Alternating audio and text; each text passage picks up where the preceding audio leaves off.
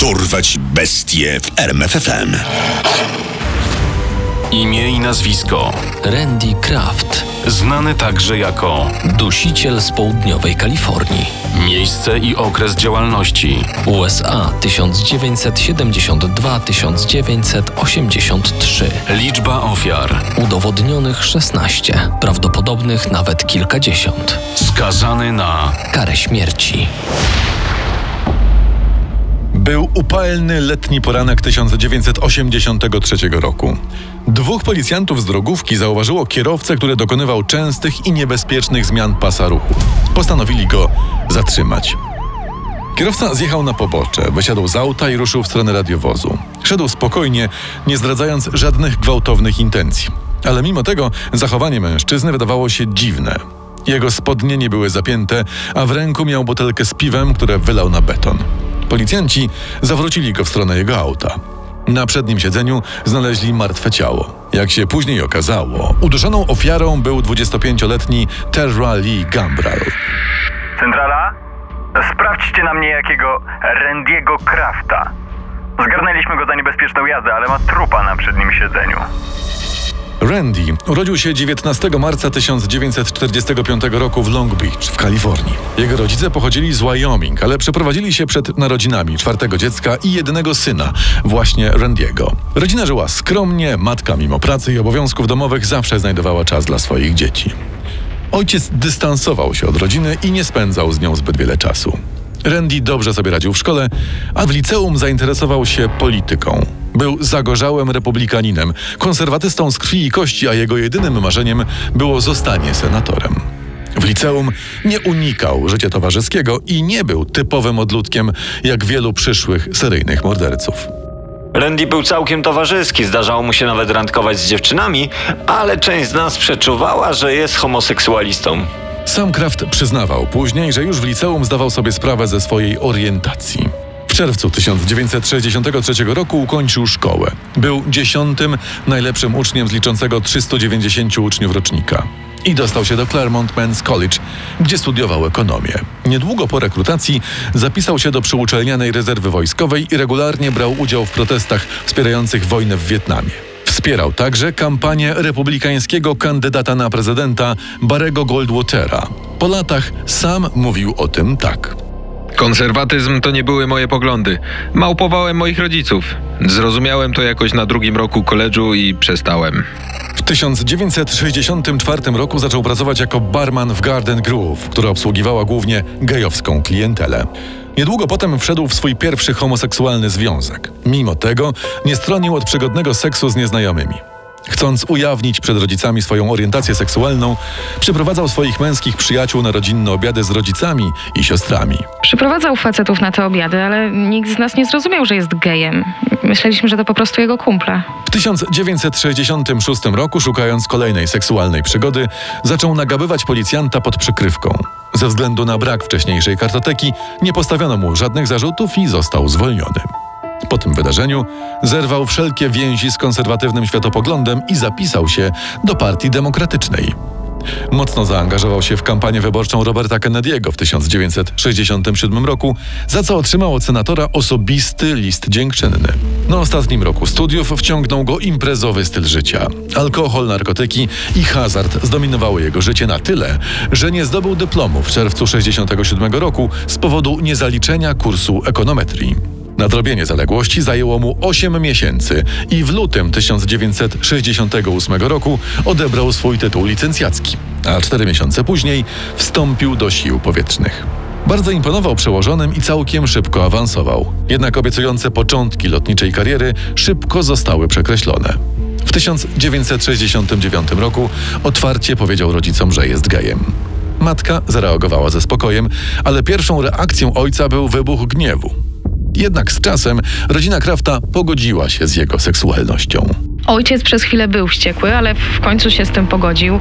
My go akceptowałyśmy, ale Randy i tak zaczął się od nas oddalać. Niedługo po wyjściu z szafy przed rodziną, Randy postanowił zrobić to samo w wojsku.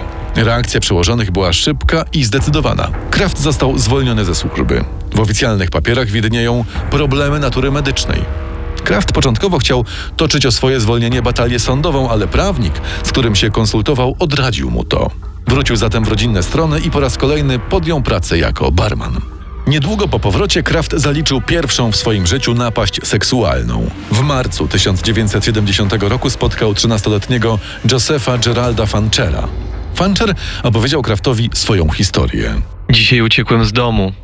Miałem dość. Starcy mnie tłamsili. Rozumiem to, młody. Też to przeżywałem. Chodź, zamieszkasz ze mną, póki czegoś nie wymyślisz. W mieszkaniu Kraft poczęstował chłopaka sporą ilością narkotyków, pobił i zgwałcił, a następnie zostawił go wychodząc do pracy. Chłopakowi udało się uciec na ulicę. Jeden z przechodniów wezwał karetkę, by pomogła otumanionemu chłopcu. W szpitalu Fancher powiedział policji i rodzicom, że Kraft go odurzył i pobił. Przez lata nie wspomniał jednak o napaści seksualnej. Policja przeszukała mieszkanie Krafta, do którego wpuszczona została przez jego współlokatorkę. Policjanci nie trafili jednak na nic podejrzanego. Na dodatek przeszukali mieszkanie bez nakazu, a jak sam Fancher przyznawał, narkotyki wziął dobrowolnie. Dzięki tym okolicznościom Kraftowi udało się uniknąć jakiejkolwiek kary. W 1971 roku zaczął pracować jako operator wózka widłowego. Chcąc poprawić swoją sytuację po zwolnieniu z wojska, zapisał się na Uniwersytet Stanowy w Long Beach, gdzie rozpoczął kursy z zakresu nauczania. Tam poznał Jeffa Gravesa, młodszego od siebie o 4 lata studenta, z którym szybko nawiązał dłuższy związek. Najprawdopodobniej w tym samym czasie zaczął mordować. Przypuszcza się, że jego pierwszą ofiarą był Wayne Joseph Duckett, 30-letni mieszkaniec z Long Beach i barman w gejowskim klubie Stable. Ducketta po raz ostatni widziano w pracy 20 września.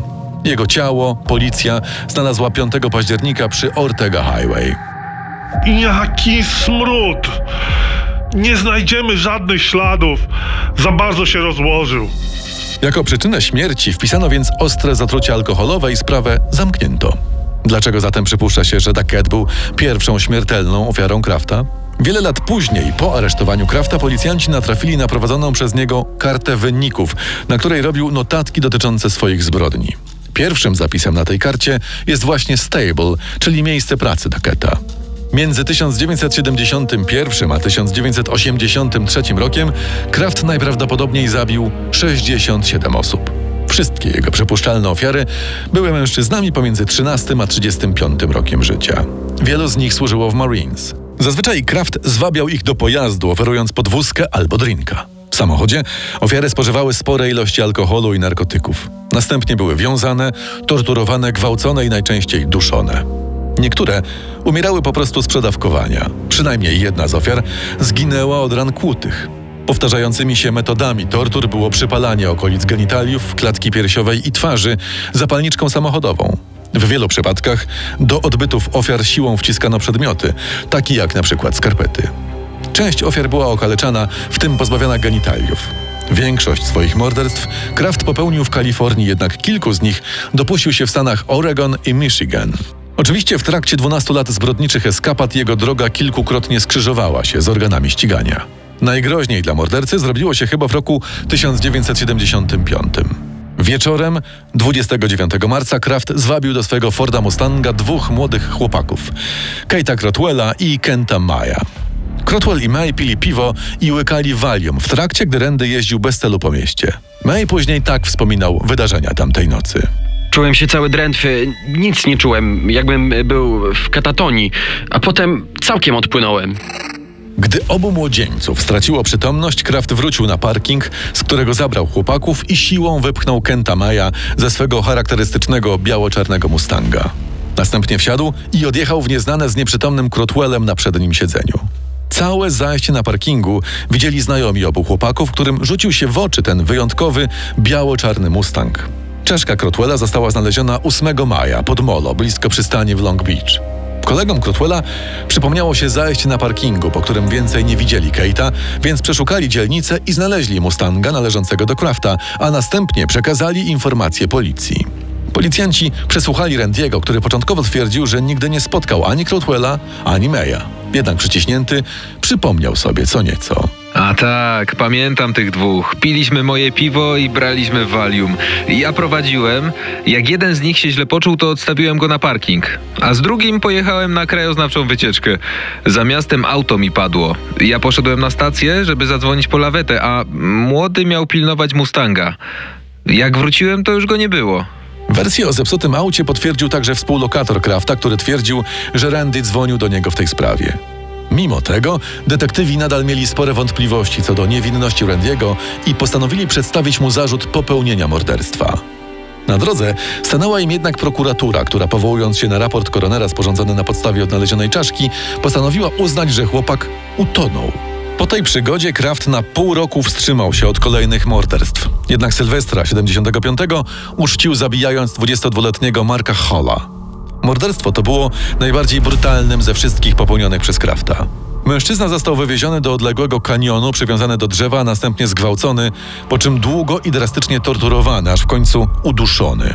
Po tej zbrodni morderca wrócił do regularnego polowania na ofiary, aż do złapania przez drogówkę w roku 1983.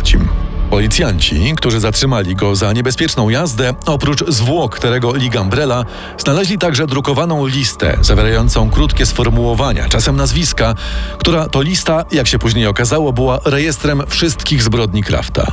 Przeszukanie domu Krafta ujawniło zaś kolejne obciążające go dowody. Śledczy długi czas spędzili nad listą Krafta, próbując dopasować jego enigmatyczne notatki do znanych im morderstw i zaginięć w okolicy. Do tej pory nie udało się zidentyfikować wszystkich z nich. Co więcej, fakty dotyczące niektórych spraw, które wiązano z Kraftem, wskazywały na udział więcej niż jednego sprawcy. Podejrzewano jednego z jego partnerów, Jeffa Gravesa, jednak hipotezy tej nigdy nie udało się zweryfikować, gdyż Graves zmarł na AIDS w roku 1987. Randy Kraft przed sądem odpowiedział za 16 morderstw, które najmocniej udało się z nim połączyć. Proces rozpoczął się 26 września 1988 roku. Zeznawało ponad 160 świadków. Przedstawiono tysiąc różnych dowodów, a proces trwał 13 miesięcy i do tej pory jest najbardziej kosztownym procesem w historii Orange County. Obrona Krafta opierała się głównie na podawaniu alibi i wykazywaniu poszlakowości dowodów zebranych przeciwko Randiemu. Jednak sąd uznał go winnym i skazał na karę śmierci. W 2000 roku po licznych apelacjach Sąd Najwyższy stanu Kalifornia podtrzymał ten werdykt. Dziś, 20 lat później, Kraft nadal czeka w więzieniu na wykonanie kary. Poznaj sekrety największych zbrodniarzy świata. Dorwać bestie w RMFFM.